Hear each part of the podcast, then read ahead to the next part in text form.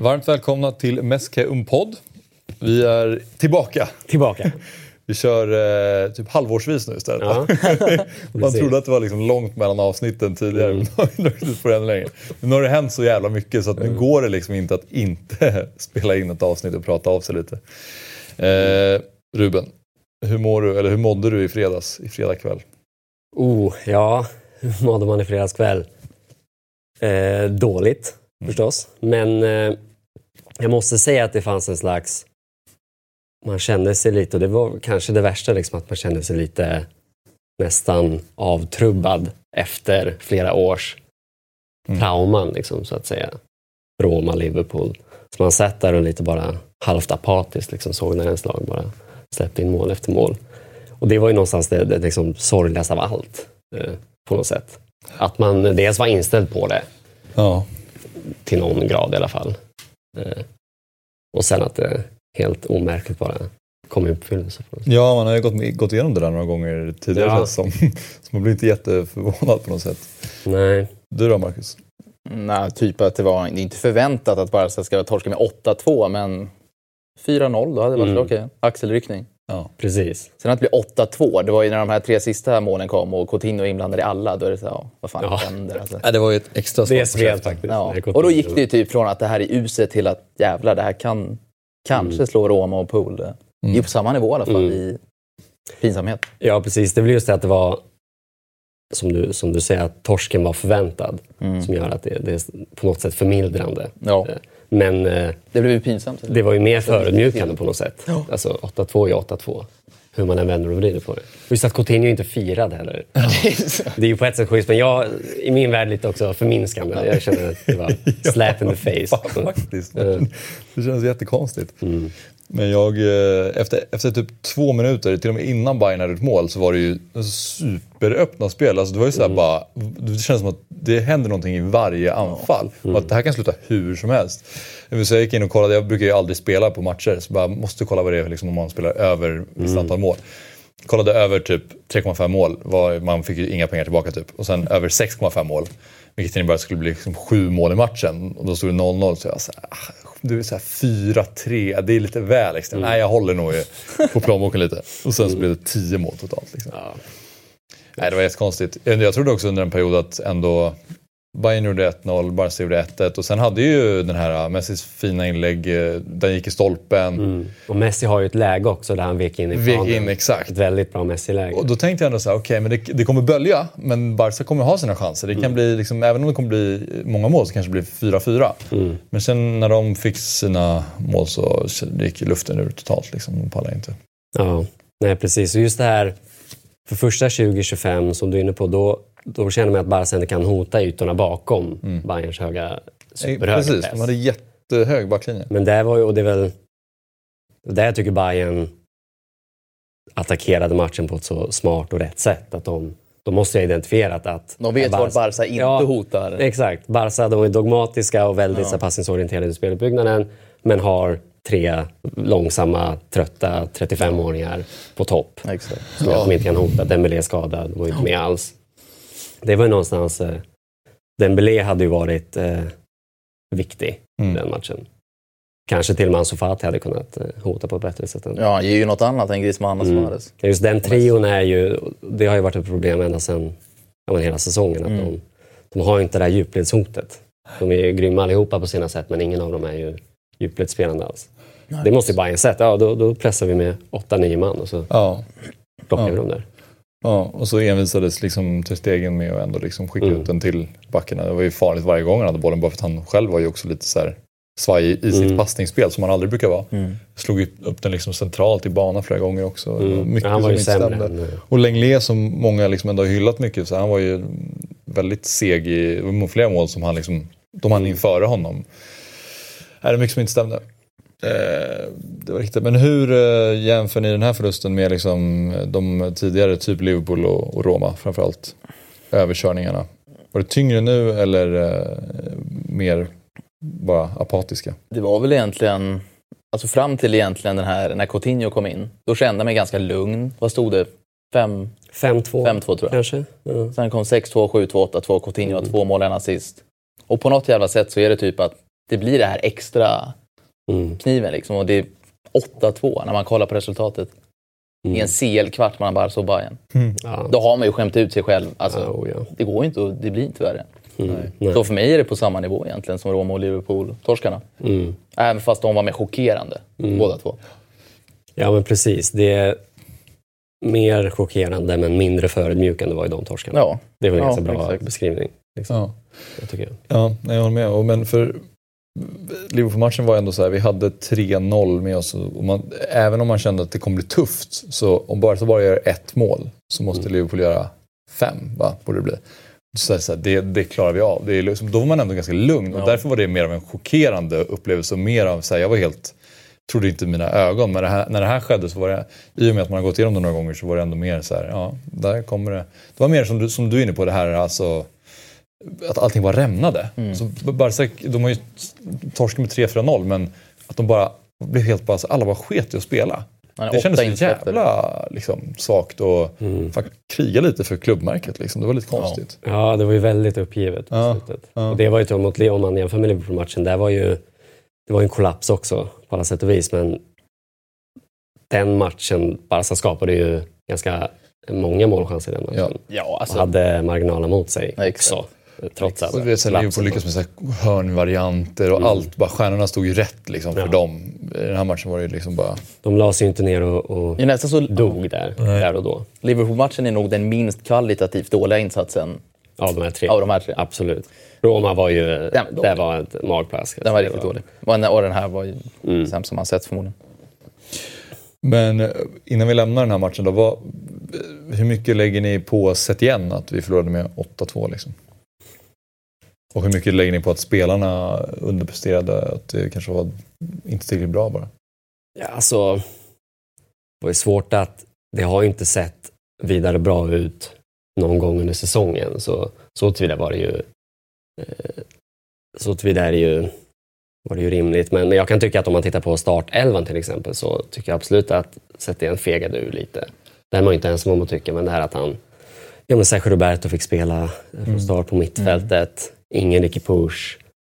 Eh, trion i anfallet, ingen Fati där. Det, det fanns ju inget att förlora riktigt. Så jag kände, lätt att vara efterklok, här, men jag kände ändå att eh, jag fann det ganska bra läge att slänga in eh, det yngre gardet liksom, och, och chansa lite. I synnerhet med tanke på att de har varit så bra på sistone. Fati och Push. Ja. För det har de ju faktiskt. Alltså, det, Ja, då, alltså- det hade ju varit signalvärde å ena sidan, men de har ju faktiskt... eh, Det fanns ju fog för att de skulle spela. Ja, Ricky framförallt Ja. har ju varit bland de bättre Ja, senaste, alltså sen uppehållet, sen de kom tillbaka. ja. Ruggigt vinst. Och han ställde ju förmodligen upp så för att han inte ville bli förödmjukad. Alltså för att det är, han tänker väl innan matchen, det är lite för risky att sätta ut Fati och Ricky Push och bli överkörd av Bayern. Jag, jag skickar ut några mer defensiva spelare. Mm. Och så går det som det går ändå. Ja. Och att Griezmann som spelar liksom, han startar inte ens i en kvartsfinal. Nej. Superstjärnvärvning liksom. Det är också väldigt fel. Men eh, ja, vad, hur ska man gå vidare från det här då? Ja. En bred Långt fråga. har det. Ja. Nej, men, usch, det är ju... Alltså vi har ju suttit här i flera år nu och pratat om att Ja. det går i fel riktning. Alltså länge, många år. Mm. Eh, skrivit och pratat om det. Men med de, de allra flesta som följer Barca nära har ju varit ganska överens om det. Att för varje säsong har liksom laget urholkat Mm. det som var. Och det har gått i fel riktning. Och det är ju också alla överens om att det är ett slags eh, jo, men det är ett ledningsproblem i grund och botten. Och nu sitter vi ju här, nu är vi ju här. Det man, alltså, farhågorna har ju besannats lite grann. Det är ju det mest frustrerande. Så, så vad som ska göras, ja, man, man, i den bästa världen så hade ju Bartomeu avgått och man hade fått till den här nystarten, den riktiga nystarten Mm. här och nu. För det är ju dags och har varit dags ganska länge. Men han kommer ju inte avgå Nej. självmant. Så då sitter man ju här. Och det är väl det jobbigaste någonstans att man har en säsong till framför sig av kanske exakt samma skit. Mm. Innan det sen är dags att bygga om och bygga rätt förhoppningsvis. Ja, man, ju- man ska ju inte förvänta sig någon större förändring bara för att Koman kommer in eller Nej. sportchef eller bla bla bla. Det kommer Nej, på samma så länge han är där. Ja, det finns ju track record liksom. Det, det, för det, det får man ändå om man ska vara djävulens advokat. Så nu, nu händer det ändå grejer, ganska mycket grejer. Eh, och de, Men det har du gjort tidigare också. Ja, precis. Men, men å andra sidan, nu händer det ju åtminstone, vi får väl se vad som händer Ja. vad gäller spelartruppen. sådär. Ja. Eh, Men att döma av det Bartomeu har varit ute och sagt nu de senaste dagarna bara, så verkar de ju vilja försöka få till en rejäl generationsväxling. Han pratar ju om att det är dags för legendarerna att eh, tacka för sig. Mm. Mm. Och det har ju inte, så har det inte låtit tidigare. Men å andra sidan, det finns ju ett track record här. Det finns ju ingen anledning att tro att den här ledningen ska lyckas genomföra en sån generationsväxling på ett bra sätt. Alltså, Nej, inga alls. det, men jag tycker det, det är ändå det är väl ändå någonstans bra att de försöker. Alltså, Mm. för Jag tror inte att de sitter där som många tror gnuggar händerna på kammaren och aktivt vill förstöra klubben. alltså, det, det finns ju någon som betraktar dem som De är inkompetenta. filmskurkar. Precis, det är inte, de vill dåliga. säkert väl, men de är för dåliga. Ja. Ja. Alltså, Men den här nystarten som du pratar om, Mm. rent konkret då, innebär det typ mer att vi ska försöka lyfta fram yngre spelare och förhålla oss mer till Barca-skolan? Liksom? Är det det vi vill åt? Med... det kan vara en del av det, men jag tänker att det, att det handlar om att få in kompetens i ledningen. Okej. Alltså, men en stor del av problemet de senaste åren har ju varit att alltså, det har ju varit så många olika delar, men allt från spela f- försäljningar till köp till bygga av eh, alltså, truppbygget och, och liksom, långsiktigheten i det. Ja. Det blir ju spännande att se om han nu menar det här. Att om många ska skeppas ut, Suarez ryktas bort Mm. och flera andra också. Vidal, Rakitic, bla bla bla. Och då måste det komma in folk. Och vilka plockar de in? Mm. Det blir ju såklart alltså, key för nästa säsong. Mm. Sen händer det jättemycket i mars. Det kommer vara presidentval och jag tror inte Koman sitter kvar om det. Han ska vara skitbra för att han ska få sitta över nästa Mm. säsong också. Tror jag. Xavi är ju och knackar på dörren liksom. Ja, jag tror till och med, man ska ta sånt med en nypa salt, men jag tror att jag läste på Twitter på vägen hit att Victor Font sa att om jag vinner så kommer inte Koman Jo, men det... behålla sitt jobb. Det Det, är ju lätt att säga här och nu. Ja. Vinner han trippeln så kanske, inte, Nej. kanske han visst får sitta kvar. Men, men absolut, det här är ju... Men eh, en stor del av det är ändå eh, undermåligt sportcheferi. Liksom. Ja. Transfer, liksom, in och ut och hur truppbygget som du är inne på. Liksom. Mm. För det känns ju verkligen som Ja. eh, det största haveriet de senaste åren. Liksom. Ja. Ehm, och där måste det ju uppenbarligen ske liksom förändringar. Men tycker ni att, eh, alltså Piqué som eh, efter matchen sa till exempel att eh, ja, men jag är den första att lämna om det är det som behövs. Mm. Alltså Suarez känns det ju som att han blir lite sämre för varje år så det är ju rimligt att behöva kunna slus- slussa in en ny Mm. anfallare. Men typ sådana spelare som Piqué och Sergio Busquets. Typ. Mm. Tycker ni att de ska lämna? Eller vara kvar? Just de två tycker jag, de har jättebra säsonger i ryggen. Ja. Det tycker Mm. jag verkligen. Och det är hur många som helst som kritiserar framförallt Piqué. Mm. Vilket jag inte, jag förstår faktiskt inte det. Nej. Om jag Det- ska nämna de tre bästa den här säsongen, då är det ju Messi, Piqué, någon till. Ja, därför man... Det är ju spännande med bekanning som vattendelare. Alltså jag har, Han är en otrolig om vatten. man, man inte kanske ens egen förmåga att analysera försvarsspel, jag, kan, men jag tycker att han har varit bra också. Nej, jag, Och jag är helt säker på att han skulle kunna spela en viktig roll i ett, ett, ett mer fungerande lagbygge. Ja. Alltså ett bättre kollektiv. Busquets exakt samma sak. ja. Han har inte gått ner sig fullständigt. Och det är ju, det är ju det är kollektiva problem det här. Så här får man ju hålla två, två tankar i huvudet samtidigt. Jag, vissa av ikonerna inom situationstecken ska jag absolut lämna. Jordi Alba tycker jag börjar bli dags. Han börjar gå ner sig. Ja, han, börjar, han sticker ju inte djupled längre. Nej. Och då han, inte, han är ingen Marcelo med bollen direkt. Så. Jag tycker nog inte, jag, jag tycker ändå att han har fortfarande, Okej, alltså, ja. Mer bara att han, eh, jag tror också att han är en av de som kan fungera i ett bättre spelsystem. Han har ju visat att när Barca är bra, då är han bra också. Mm. När de är dåliga så är han dålig. Eh, Men jag vet inte, att- han är fortfarande så, här, han är så snabb och han har ju ändå, visst han börjar bli lite åren, men jag tycker ändå att han fortfarande forsar Mm. fram till vänsterkanten. Mm. Men fortsätt. Ja, men, eh, han har ju faktiskt haft upp, han har, hade ju någon säsong när han var väldigt anonym. Ja, Och sen kom han faktiskt tillbaka. Det, Det var ju när Valverde kom Mm. in och Neymar lämnade. Precis. Är fick han ju sin renässans där. just det, så var det. Mm. Ja, man kanske inte ska vara för snabb med. Men, men eh, ja, så några ska absolut avpoliteras, Ja. men inte alla. Nej. Det vore dumt. Nej. Jag menar, det, det handlar ju om att balansera erfarenhet Ja. med ungdom här. Och det finns ju ganska bra förutsättningar. Och det, är det, som är, det har ju funnits så jävla bra förutsättningar i tio år att förvalta det här. Den här gyllene generationen som har, som har funnits. De har bara säsong efter säsong misslyckats med det med facit i hand. Det, det är ju frustrerande. För att det är ju lätt att kolla på siffrorna och tänka att Barca ändå släppte in åtta mål. Hela backlinjen måste bara bytas ut. Mm. Och eh, visst, de hade inte sin bästa match, men det är som ni säger också, det är ett kollektivt problem. ju ja. liksom, de som spelade ju sönder Barca. Liksom. Ja. Ingenting funkade ju. Nej, absolut. Det, Eh, för att på pappret, visst det finns gamla spelare men det är också fantastiska fotbollsspelare. Mm. Alltså Barcas trupp är, liksom så här, det är, det är ju stjärnnamn liksom, men det funkar bara Ja. inte. Ehm, och sen om en felvärvat så hade det kunnat vara bättre. Men jag satt faktiskt och funderade på det under matchen. Om man jämför Bayern Münchens liksom, eh, lagbyggen Mm. eh, kontra, alltså de är så smarta för att Barca den senaste, period, de senaste åren, ja, men som vi har pratat om massa gånger, att det är så mycket konstiga värvningar och så mycket så här de värvar dem i helt fel läge. Så här, Griezmann skulle värvats när han var ju typ som bäst i Real Sociedad. Att så här, wow, här är en spelare på, på uppgång. Han plockar vi. Eh, Dembélé var ju väl deras tanke att det skulle vara en sån spelare. Men han har haft otur med att han är så skadedrabbad och så tror jag ändå inte att han är rätt för Barca i längden. Så här. Det är s- Det är liksom, men Bayern, typ Alfonso Davis och Gnabry och Ja. De bara plockar juveler överallt som blir superstjärnor istället för att plocka färdiga. Det är, där, det, är det som jag har varit otroligt irriterad på.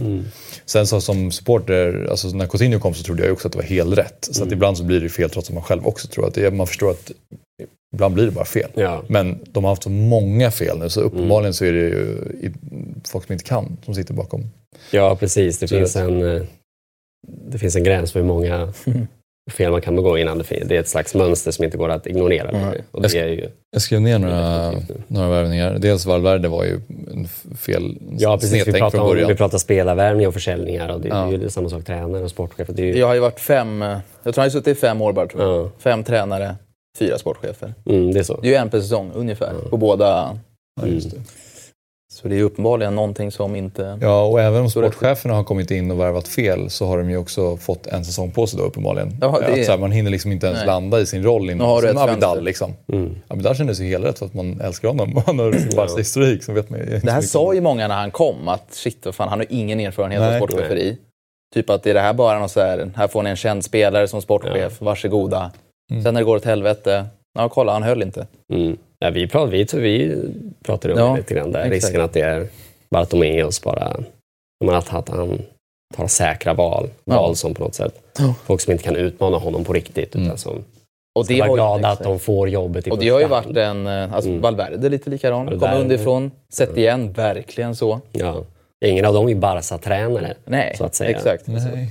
Koman är en annan, han är ju han är också så att han inte ska träna Barcelona baserat på vad han har gjort. Mm. Sen är väl hans personlighet som jag förstått är ganska jävligt auktoritär. Och, Ja, Sådär, kan vi prata lite om Koman? Alltså, det är väldigt spännande. Alltså man, jag håller helt med. Hans CV är ju, det är ju ganska kast. Ja. Alltså, menar, har han, han har varit igång så länge, men alltså det, det är knappt att man minns allting. Men, nej, men man vet ju att Valencia-perioden den säsongen var ju rejält dålig. det gick ju åt helvete. Ja, Premier League, så där började okej, sen gick det åt Ja, det var väl ingen supersäsong i Everton eller Southampton? Nej, okej Southampton. Han kom sexa med Southampton liksom, och den är ju ganska... Okej, ja, det är väl bra. Den är bra. Ja, det är bra. Sen kom han till Everton och det gick skit. Mm, han fick ju också massor av pengar, eller hur? Och stort Exakt. mandat eh, att liksom Ja. lyfta dem till nästa nivå. Och det blev liksom nedflyttningsplats och Nej, sparken i oktober. Det var ju någon som skrev det på Twitter nu, nu kommer, ju- Barca kommer ju värva Sigurdsson. På vänster, till vänsterkanten. Det kommer ju hända. Mörker. 50 miljoner. Ja, då är det bara att ge upp. Ja. Bara släppa allt. Men han har ju å andra sidan, han, han, eh, det är väl förhoppningen att han, om vi nu, om man ändå, när en förhoppning att det ska kunna bli en, klämma ut någonting bra ur nästa säsong eh, fram till, till valet nästa år så, så är det just det här att han, han, han kommer ha en pondus som åtminstone sett igen inte hade. Mm. Så att den kändes ju 100% ponduslös. Ja, han, Nej, så är det ju. Ja, det var ju känslan. Ja, ja, och det kändes ju verkligen som att han tappade omklädningsrummet. Alltså det, det är ju svårt att veta. Mm. Man är inte där. Och sånt där är ju jävligt viktigt. Ja, Speciellt det- när du kommer in mitt i en säsong och det Mm. ser så där ut.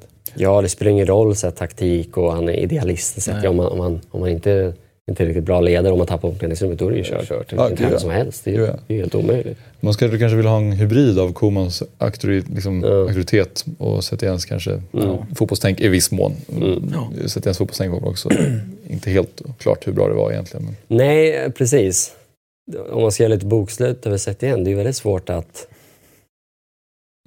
Man, han hade ju väldigt suboptimala förutsättningar. Alltså en, en kommer in mitt i säsongen, coronauppehållet, en, en klubb i kaos, skandalkantat, osämja mellan sport. Alltså du vet, Ja. väldigt dåliga förutsättningar ju. Ja. Men han har ju samtidigt inte... Du sa det innan sen, Marcus, att han inte har liksom... Han tog ändå höjd på något sätt och pratade om den fotbollen han vill spela, att han ville satsa på ungdomar lite grann. Och det, med facit i hand så blev det ju ganska lite så. Alltså, Väldigt lite. mm. Men han började ju, om ni kommer ihåg, med... Han skulle köra sin fotboll, det var trebackslinje, det var... ja. Hur många matcher höll det? Nej, Liksom? men det var ju typ två, tre. Ja, det ju- Det var ju efter torsken mot Valencia tror jag det var. 2-0 på Mestalla. Sen insåg han precis som Valverde att vi måste ha resultat också. Exakt. Eh, Och då, var det- då var det ju tillbaka till liksom basic. Det Valverde gjorde. Ja, Då är det ju bättre att ha Valverde. Valverde liksom. Alltså, Ja, det blev ju rätt likt faktiskt Ja. ja. och den här elvan nu mot... Eh, Det var väl 4-4-2 i stort sett eh, som spelades nu eh, mot Bayern. Ja, Ja, absolut. verkligen. Ja, det är faktiskt eh, fascinerande ändå. Ja. Och det är även innan man kände att när det var ändå för, för eh, periodvis kände man att ja, det var ändå, det är ändå uppfriskande att det var lite mer bollinnehavsorienterat och sådär efter några år med Valverde. Men man kände ju alltid, och det pratade vi om någon gång, att även speluppbyggnaden kändes, om än liksom på papper, liksom Barca-esk, så kändes det alltid lite stelbent på något sätt och förutsägbart. Alltså det var aldrig, kändes aldrig flytande dynamiskt på, på det här eh, Nej. Guardiola-sättet. Det, det, Exakt. det var lättläst Ja. på ett helt annat Ja. Och det släppte aldrig. Jag, jag minns att jag hoppades att det, det är en process och det, det kommer släppa. Och det, men det, det gjorde ju inte riktigt det. Det känns som att de bara... eh, Känslan är att intuitionen var så här, vi ska rulla boll oavsett vad som händer, även långt ner vid hörnflaggan. Och så ser man det och så står de där och försöker typ. Och sen så, Mm. eh, så sätter lag hög press och så finns det liksom ingen Xavi eller Iniesta som kan luckra upp utan det är bara Busquets själv. Och sen Frenkie är okej, men han, det är kanske inte hans spetsegenskap. Liksom. Nej. Eller han är bra, men... Eh, sen eh, ja, Rakitic och några andra som kanske inte är lika vassa. Ja. Och återigen, ska man spela på det sättet så, så vill det till att man kan återerövra på ett okej sätt. Och det, det fanns inte på kartan med Nej. Messi, Suarez och Griezmann. Det, eh, och djup, djupledshotet som vi pratade om förut. Alltså den, omöjligt att lösa den ekvationen på ett bra Mm. sätt. på. Mm, mm. Men vad har Koman för liksom, fotbollsfilosofi som tränare? Ja, en jävligt bra fråga. Har vi någon koll på det? Jag känns att på helt blank. Liksom. Men ja, lite- vad står den för fotboll? Jag vet Det är, det är inte klassiska Barca-fotbollen. Nej. Jag läste någon som, för det första, um, följer några på Twitter som har koll på, ja, de är holländare och Mm. duktiga så här, analytiker, bla bla bla. Mm. De är jätterädda nu att det ska komma in en expansiv tränare till holländska landslaget. Mm. Vilket ju då är tecken på att han har gjort det bra med Holland. För att han äntligen, enligt holländarna då, har satt en liksom så här, ja, men defensiv eh, grund. Så de har kunnat slå de bästa lagen utan att, och de spelar inte jättevacker fotboll längre. Nej. Men de vinner i alla fall. Ja. Och samma sak verkar det ha varit i Everton och Southampton. Och Everton framför allt. Mm. Ehm, att det har varit defen först och sen är det kontringsfotboll. Usch. Och det, är- det är lite Valverde. Det låter som, precis som. Valverde. Men det är ju den tränaren. Han ska träna ett mittenlag. Ja, Det Han ska träna Everton resten av sitt liv bara. Ja. Som Valverde vad ska hända vet. Men läste ni den intervjun med Bartomeu eh, på Barcas hemsida? De hade ju, eller ja, det var ju Ja. del, det var ju filmad också, men jag läste bara samma. Jo, men jag läste samman... Då sa han ju typ att så här, ja, visst det är mycket som har gått fel. Det handlar inte om, eh, det är inga strukturella problem utan det är sportsliga problem. Bla, bla, bla, Ja. säger han. Och så sa han ju också att vi måste, um, spelet är detsamma, det är alltid samma filosofi, men vi måste få in mer fysiska inslag. Vi tappar, Ja. vi, liksom, vi är inte tillräckligt, alltså han pratade om att liksom det var fysiken och bristen på styrka. Var det från Valverdes? Eh, nej, eh, Bartomeu. Bartomeu? Ja, Mm. sa det. här. Han var ute med ett litet försvarstal i... Ja. Jag läste delar av det också, jag minns inte allt ordagrant, men... Vadå, han vill ha 10 Vidal typ? ja, men det lät så på honom och då, så här, ja, då, då förstår man ju precis varför allt är som det är. Liksom. Till och med nu. Ja. När, Mm. Och sen så, eh, det, det som, enda som jag kan hålla med om är att det kändes, det kändes som att eh, det var en massa pojkspelare mot Bayern München. De var större, starkare och snabbare. Mm. Men det kändes också för att de hade hela tiden momentum, de spelade bättre fotboll. Då går allting mycket fortare. Om Barca skulle hitta rätt i sitt spel, alltså så här, det, ju, det handlar ju inte om, om det. Nej, det är klart det inte gör. Alltså ett bättre Barca hade ju spelat förbi den pressen. Alltså Ja. de satte ju in en extrem press. Ja, det är klart. Det är ju, jag menar... Ja.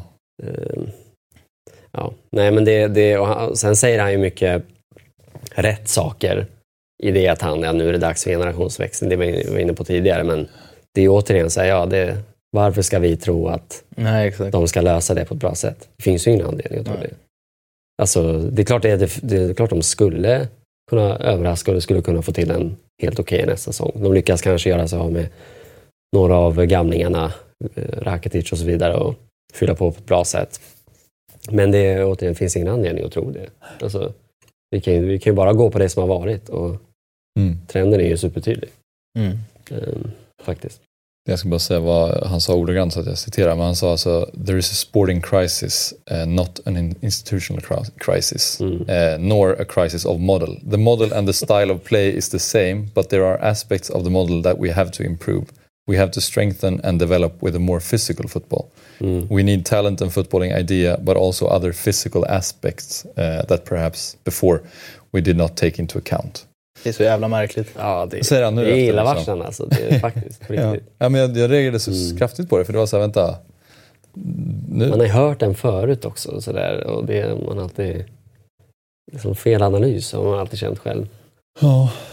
Ja, precis. Alltså generellt. Liksom, Ja, vi precis. efter- Ja, Ja, men från andra och från folk som utifrån och som bedömer bara så, ja. sådär.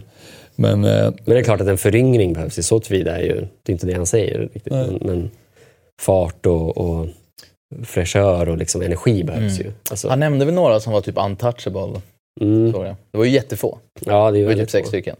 Jag vet Ja. inte Messi, Griezmann, några till. De Jong. stegen säkert. Verstegen. Mm, Lenglet kanske. Tänk Piqué, var Piqué med där? Jag vet inte. Jag tror Piqué kan vara med. Men eh, lite för kul bara, men jag listade några av hans värvningar för jag började liksom gå, gå Mm. eh, down memory lane bara för att kolla. Och alltså så här, André Gomes och Jeremina och Kevin Prince Boateng och så här, ja, Dembélé, Coutinho, Griezmann är också floppat. Eh, Paulinho kanske jag sa. Paco Alcacer, Malcolm. Den här Jason Murillo från Ja, mittbacken. Alltså det är så mycket konstiga värvningar som man Det alltid är också Dennis okej. Suarez och så. Eh, exakt. det är många. Det är så många att man glömmer bort många. Alltså, Dennis Suarez var väl ändå ett försök att um, så här, okej, här har vi någon som kanske kan hitta in i Barca. Mm. Men inte ens där träffade han rätt. Digné, sa han. Nej, D- där också. Och även nu när Arthur lämnar och inkommer Pjanic. Mm. Så, så här, den enda spelaren som hade någon form av Barca-DNA i kroppen ja, lämnar. ja nej, precis. Det kändes ju, framförallt där och då kändes det som att nu har det ju uppdagats lite skit om Arthur. Så det kanske inte var så jävla Det har jag missat. När man eh, rattfylla va? Ja. Någon, eh, några dagar sedan. Men det var ju efter allt. Ja, ja precis. Men du menar att det är tecken på att han kanske var lite... Ja, alltså, det, det, så här, Lite i har ju ändå hävdat att det har funnits attitydproblem. Alltså, Ja. Det har de ju sagt Okej. öppet sen försäljningen blev klar. Mm. Okej. Eh, Och det har man ju känt bara varit liksom, tomma ord på ett sätt. Mm. Mm. Men det kanske stämmer till viss del. De här bra- vet? brassarna i, i Barca ska alltid ut och Ja, festa men- och stöka. Och, Mm. Men det är klart, för, alltså, han skulle kunna... Han kan ju komma att bli en väldigt, väldigt bra spelare. mm. Alltså, För jag, jag upplevde alltid honom som ganska professionell när han väl var med och spelade. Ja. Och så här, I intervjuer och sånt där var han aldrig väldigt Ja. mycket. Mm. ja, men det är kanske mycket saker som händer bakom stängda dörrar som man inte vet om. Mm. Men eh, Henrik Larsson då, kom in som assisterande tränare. Ja, fan. känner vi där? Det, det, nej, jag vet inte vad man ska säga. Alltså det, det, det, Bra. Han skulle sidan, det enda, enda, så här, det enda li- eventuellt positiva är väl att han är, han är väl, han skulle väl också kunna ha en slags auktoritet i omklädningsrummet. Jag tror typ Alltså, också att han skulle kunna ha han, det han faktiskt. var ju otroligt omtyckt och, och Mm. alltså, av någon anledning. Han, han, Han, ja, när man, när man, ju när man ser intervjuer och lyssnar på honom, det är inte så att han är, känns som Men jag tror, världens... eller för mig i alla fall, att hela hans... Bilden jag hade av Henke när han la av, alltså slutade Mm. spela fotboll, det var ju så här, jävla vilken, vilken jävla människa, vilken idol ändå. Typ. Mm. Men hans tränarkarriär har gjort att man, så här, man har fått, eller jag har fått en helt annan bild av han både som ner hans tränare rykte lite grann. och som människa. Han verkar vara en sur jävel. Ja, man kan vara riktigt Lite grinig gubbe. alltså. Ja. Ja.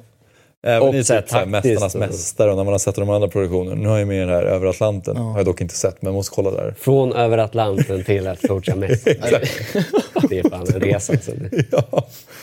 Ja, jävlar. Men han han i alla fall spela lite med Messi. Eh, Mm. Det är ju positivt. Ja, men jag tror han ju- kan säkert att få gehör i kanske- omklädningsrummet. Ja, nej, men helt ärligt, som ASS-tränare, han kan väl Ja.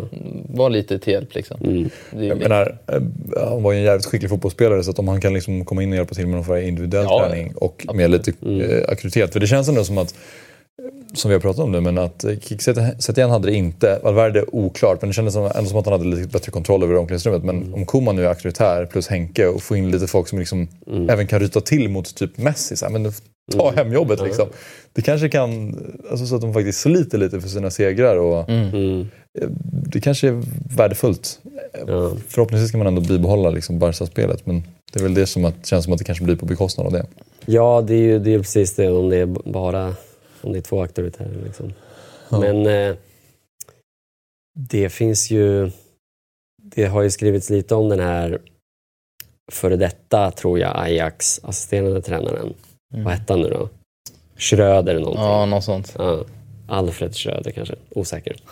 Eh, men eh, kan det komma in en, en assisterande tränare som kan bidra med det taktiska, alltså en, någon väldigt taktiskt orienterad tränare och sen liksom komplettera med lite auktoritet. Mm. Det skulle kännas lite mer betryggande mm. än en Henke Koman kombination. Det kanske är en, en duo, en tränarduo, en Kim och Tolle. Kim och Tolle. Lars Tommy behöver komma in. Nej men som du säger, alltså, det är nog rimligt faktiskt. Ja, för jag menar om, om nu, det är väl ett rimligt antagande att Koman inte, att han inte är liksom supertaktiskt orienterad. Alltså, eh, så då vill det väl till att han har någon bredvid sig som är det lite mer i alla fall. Mm. Eh, men det är svårt med Koman. Han har en väldigt dålig bild av Koman. Det, ja. det... Trots att han ändå har tränat många lag. Men det är också ja. lag som man kanske inte har följt så noga. Liksom. Det, det har ju gått det... dåligt. Mm. Det har ju gått dåligt. Ja, så så det, är, det är kanske därför han har hoppat runt. Ja, ja det, mm. det är en god poäng. Mm. Ja, det är illavarslande. Ja. Ja, det finns ju en anekdot där från Valencia-tiden. För det gick ju uselt för dem i ligan. Men de, kom ju, de vann ju cupen. Mm, Men då har ju spelarna, jag kommer inte ihåg vem, men det är någon av de här från, som spelade i Valencia då, som var med och vann. Och de sa att vi sket i Komans taktik inför finalen. För annars hade vi torskat. För de gjorde ju myteri mot den och vann. Ja, och det är, det är ganska vedertagen... alltså, och det är, alltså, det är en vedertagen sanning nu. Liksom. Det verkar verkligen stämma. Och det är, det är helt sjukt. Nu är det 12 år sedan, visst, det kan ha hänt jättemycket, jag vet inte. Ja, det är väldigt lite på hans CV som är mm. positivt. Ja, det är ju nästan ingenting. Alltså. Ja. Och jag menar, så här, ja, han må ha varit en del av Dream Team och skjutit Barca till ja. första titeln. Men vad fan är det värt nu? Alltså det, nej. Men, nej, lite så. Och det var också innan vår tid lite grann, så man har aldrig upplevt Koman som en stor Barca-ikon på det Nej, sättet. han är ingen idol för en själv. Nej, det kan, det kan man Tjock säga. gammal gubbe. När han väl var spelare så var han liksom köttig spelare som ja. sköt hårt. Typ. Ja. Men, gjorde väldigt mycket, jag tror han gjorde så 100, över 100 alltså bit över 100 mål i sin karriär. Okay. 190 mål typ. Ja, det är väldigt duktig, bra. Väldigt, uh... Duktig på frisparkar också. Ja. Sampdoria målet har vi fått, redan fått se mm. tio gånger från Barca Twitter. Typ. Ja. Det kommer tio gånger till innan ja, veckan är slut. Det är helt sant. Mm. Men vad hade ni velat se för tränare då? Har ni några namn så det som, det som ni så... drömde om? Det är det som är så svårt, för det fanns ju egentligen inget. Det är inget stort utbud direkt. Nej. Pochettino är den enda som känns rimlig. Ja, och den, exakt. Men där är Espanyol skit. Ja, den känns ju ändå orimlig på ett ja. sätt. Mm.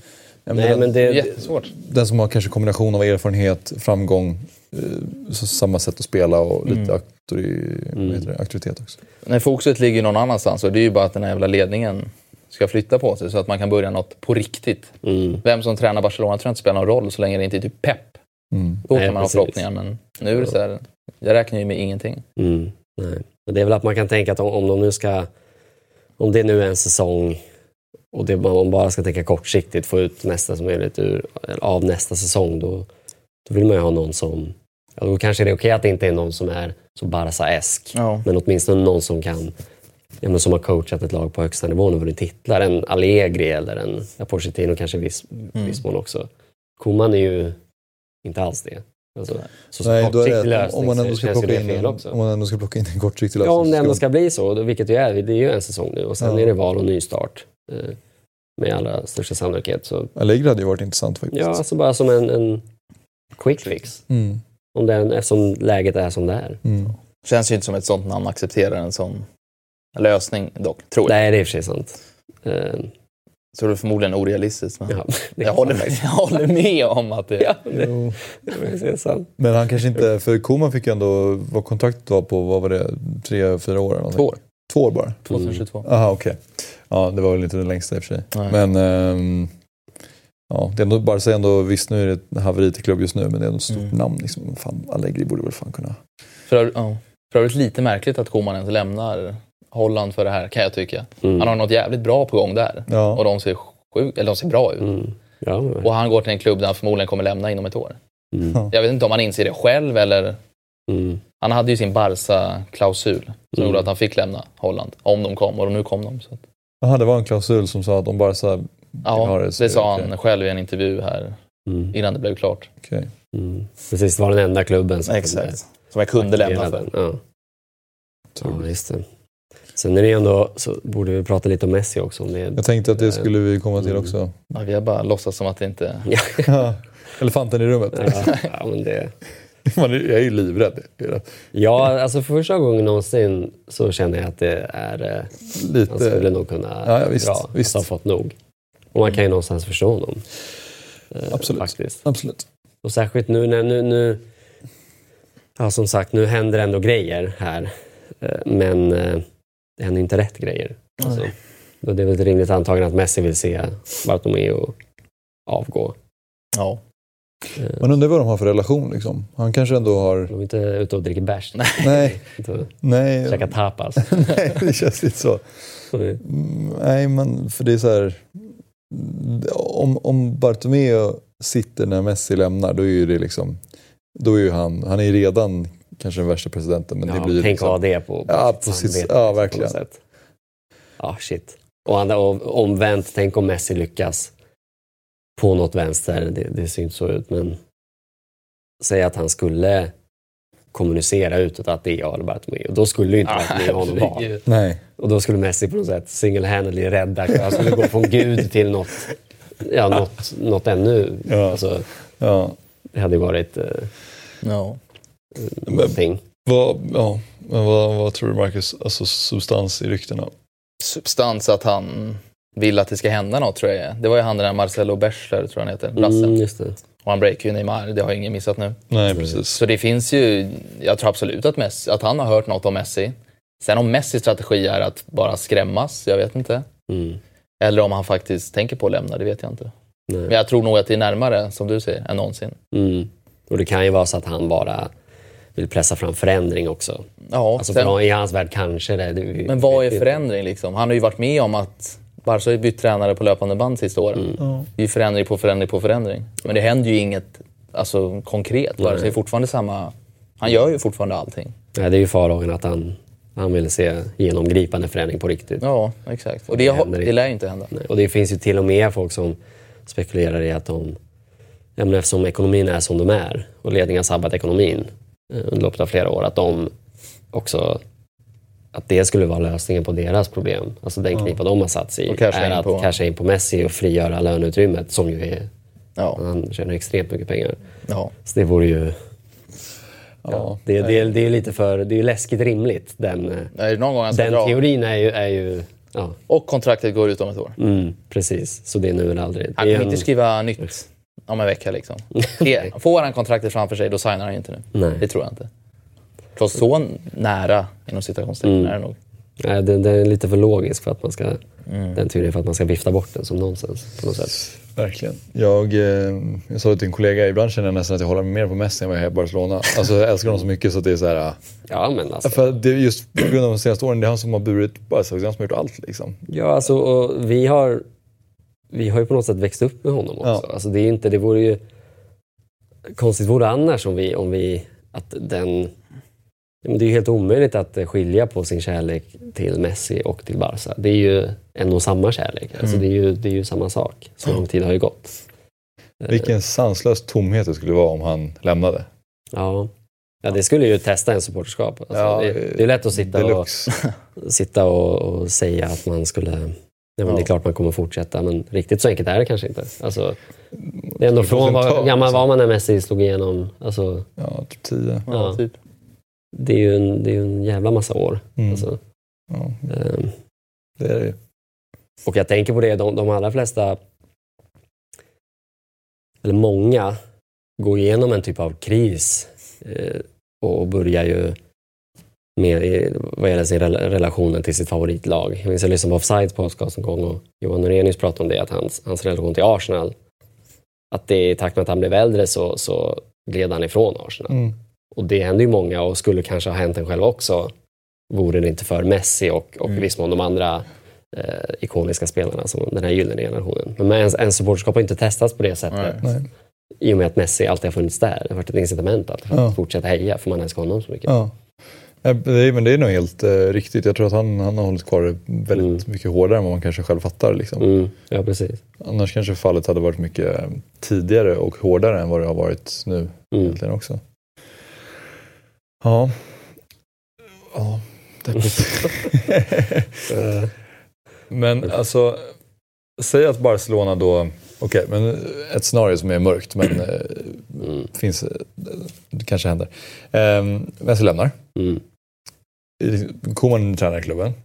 Rensas ut så här, Piqué och Busquets drar, Piqué drar till, eh, vilka var det som ville ha honom nu? Det var några, Fulham ville ha. Fulham? Ja, jag tror att det var Fulham som ville ha Piqué. Han går till Fulham. okej. Lenglet drar, nej inte Lenglet, eh, Busquets drar till Kina typ. Han är klar med sin karriär. Ja. Eh, och sen kommer det bara in upp massa jävla juniorer från eh, liksom, Mm, eh, ja, La Masia. mm, Och, eh, och sen så eh, Font kommer in som president och all, bara, klubben, klubben bara görs om. Liksom. mm, Säg att då skulle bara, Barca ligger i nedre skiktet av tab- tabellen. Mm. Liksom, ingenting funkar.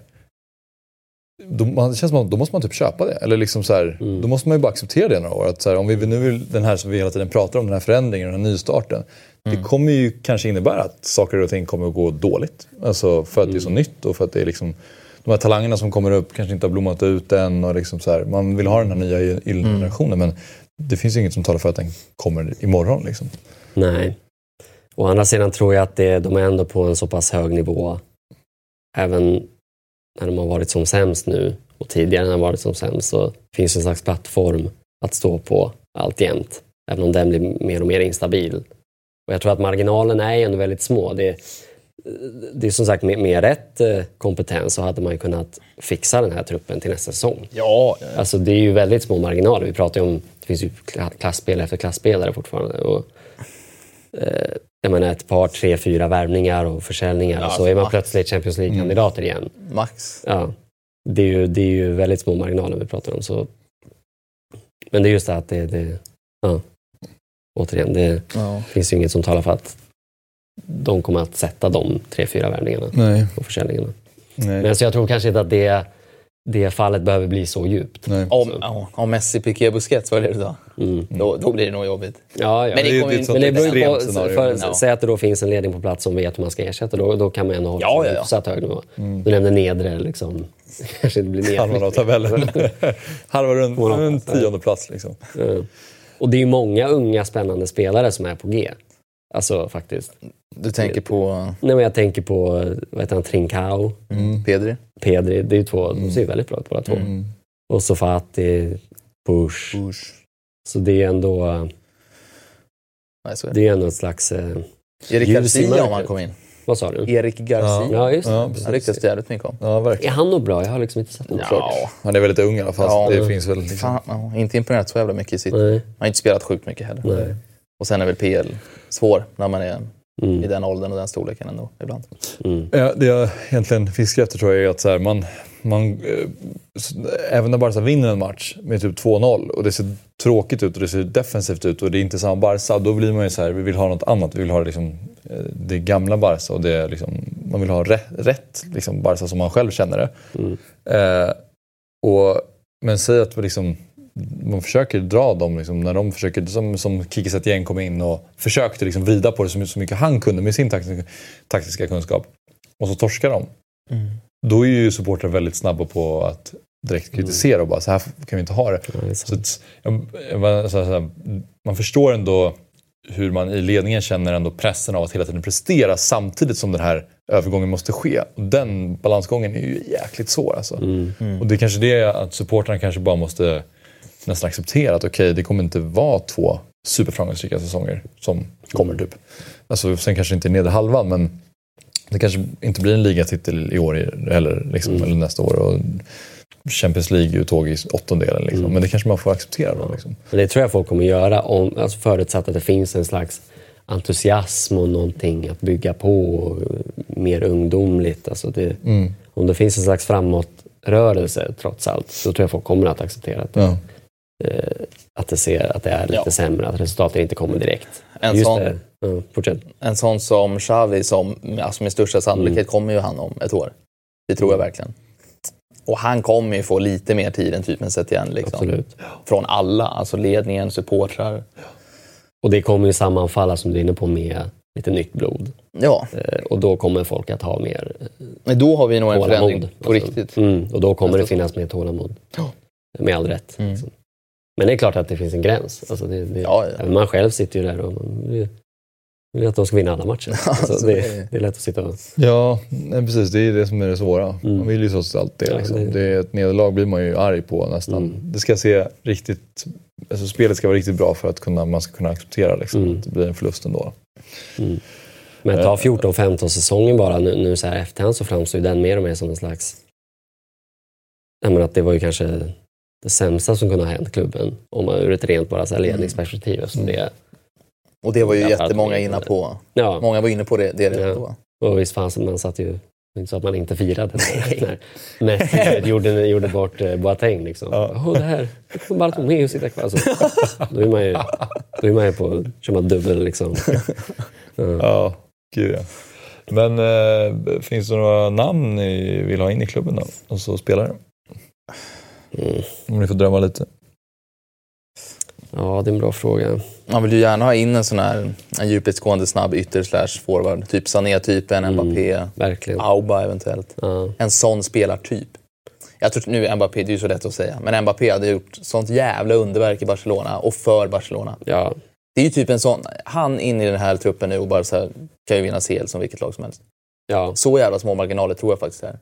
Ja, jag är lite inne på samma. Jag tror det är väldigt små marginaler. Sen Alltså, är det- Mbappé, typ inte bäst i världen, men nästan. Så att, Mm. Men någon, extremt, typ, ja. någon ytter med liksom X-faktor och Mm. speed och, eh, som kan bryta mönster på det ja, sättet. ja, det, Alltså, det, det- behövs verkligen. Ja, det har ju varit, eh, det har varit alltså, plågsamt emellanåt att se att det är liksom bara Messi som kan göra bort sin gubbe. Alltså, eh, och att vissa kanske kan det, men de vågar inte ens. För de är så livrädda för att Mm. eh, typ, känna att de inte passar Messi. Så här, Griezmann är ju för rädd känns det som. Och, eller delvis, men han är inte heller den spelaren som gör överstegsfinter och går förbi sin gubbe. Han är liksom en länkspelare, men det har inte heller funkat. Liksom. Han har inte vågat känner jag. Alltså, som jag också sagt massa gånger förut, men alltså typ, varför Neymar ändå lyckades så pass bra eh, under sin sejour är ju för att han är ett stort ego och vågar fatta egna beslut. Och även om Messi är fri så kanske ändå ska göra en översiktsfint och gå förbi sin back och göra en typ en chippa upp den till sig själv och göra en bissa i krysset. Liksom, för att det är han. Och det behövs någon som vågar det. Liksom. För annars blir Barcelona så jävla lättlästa också. ja, absolut. Mm. Han är ju den enda under, alltså, på jag vet inte hur många år som faktiskt har avlastat Messi på riktigt. Ja. Han kunde göra det för att han var så jävla bra Ja. på ego som du säger. Han sket ju i det. Det var, det var ju en höst när Messi var skadad jättemycket. Och han var helt otrolig. Han var jättebra. Han tog verkligen över den, axlade den rollen. Ja, han, var, han är farligt bra. Och vad bra han är just nu. Och det är klart att så här, det är ju världens bra, alltså. andra bästa spelare. Ja, det är nästan så att man börjat... Alltså, Att han är bättre än Messi. nej men alltså, det, det, är en, det var det är en, det är Du får inte svära i kyrkan här, liksom. Nej, precis. Men fan om inte det var en av de bästa individuella prestationer man har sett på väldigt länge. ska Neymar mot Atalanta. Ja, Alltså. Det var helt... han, var jävligt. han var ruggig. Sen är det skillnad, han, han gör inte mål där. Messi och, Ja. gör ju två baljor där kanske. Men, Och där är skillnaden Men i spelet- jämnheten, att Messi gör sina prestationer i stort sett hela tiden. Ja, precis, lite det är en match. Min, mindre ofta. Men eh, ja, nej precis. Och det var, han är ju fantastiskt bra. Det var ju också därför han var så bra i Barca, så för att han är en fantastisk spelare. Men eh, även Suarez under sin prime så var han ju också så att han är också självisk och ego. Liksom. Han har gjort sina konstmål i Barca och han har gjort hur många mål som helst för att han går på eget avslut och inte alltid bara... Men övriga spelare som har kommit in, framförallt till exempel Coutinho, han blev ju väldigt skraj för att våga göra grejer själv kändes. Mm. Ja, Då är det bättre att han kommer in i en maskin som Bayern München där han liksom ja, bara kan... verkligen. Eh, ja. Inte ens där har han ju tagit plats dock riktigt. Nej, precis. Så det finns väl frågetecken kring hans kvalitet. I alla Såg han fall lite, topp, såg topp, han lite plufsig ut? Jag tyckte han såg lite plufsig ut. Eller är det önsketänkande? Ja, Det tänkte jag faktiskt inte på. Jag, jag tänkte, han bytte scen, jag tyckte han såg lite brasseplufsig ut. Men stämmer den där, eh, eller var det, var, eller var det bara ett falskt rykte som spred sig att Barca behövde betala, eh, hur fan var det? Eh, Om han skulle gå typ och vinna CL eller om han skulle, Det var en jävla klausul som Ja, skulle innebära att. Barca behövde betala pengar till typ Liverpool. Ja, just det. Eh, Ja, för att de ändå äger honom. Liksom. Okej. det, var så, det var också så bara briljant. På grund av att han gjorde mål mot Barca så behöver Barca betala pengar till Liverpool. Det ringar in Barca ganska väl. Ja, eh, Faktiskt. Ja, det får man verkligen lov att säga. Men fler värvningar, jag vet inte. Alltså någon mittback pratas det om, så eventuellt det. Men det är ju Erik liksom Garcia. yttrar med X-faktor känns ju... Ja. Eh, framförallt en... Eh, eh, ja, det kvittar väl vilken kant de spelar på. Ja. Jag höll på att säga vänsterytter, Fast det är ju fan... Messi gillar ju att droppa ut på den där högersidan ändå. Det Ja, han gör ju trots att det Ja, fortfarande. jag så tror det är vänster- kanske en vänster eh, Det är optimalt. Men eh, tycker ni att Griezmann ska skeppas iväg? Nej. Vet inte. Suarez före honom. Ja, absolut. alltså skeppas iväg. eh, Ja, det är fan Ordning. dags för Ordning. Suarez. Alltså. Det har väl Ja, varit det. ett tag, men det är... Han är ju den bästa strikern vi, alltså det här decenniet i hela Mm, världen. absolut. Men det är fan dags Nu det gå va? Alltså. Han är för jävla långsam. Men det var någon situation mot Bayern när han kom in och löpte mot, eh, jag minns inte vem det var, Alaba kanske. Som ju förvisso är snabb, men alltså, Och ändå trocklar han in bara sitt mål. men, så här, jogga förbi honom. Alltså. Ja, och så gör han det. Målet han gör är bra. Ja, Eh, men det är ju bara också återigen att han får Ja, jag kom på nu, eh, Semedo var ibland de här sex untouchable. Mm. Det var lite märkligt, tycker jag. Ja, jag bra har, fan, jag har svårt för honom, även fast han haft en ganska bra vår nu. Han har haft några matcher på slutet. Ja. Rätt bra. han var bra mot Napoli.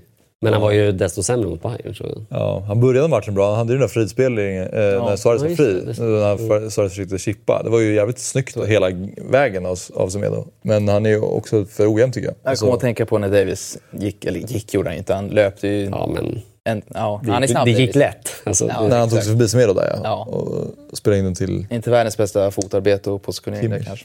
Nej. Och han är också frustrerande för han är så, han är så spetsig på ett sätt. Alltså han, kan ju, han kan ju göra sin gubbe och ta sig ur, men han, han kommer ju aldrig till något konkret. Alltså, Nej.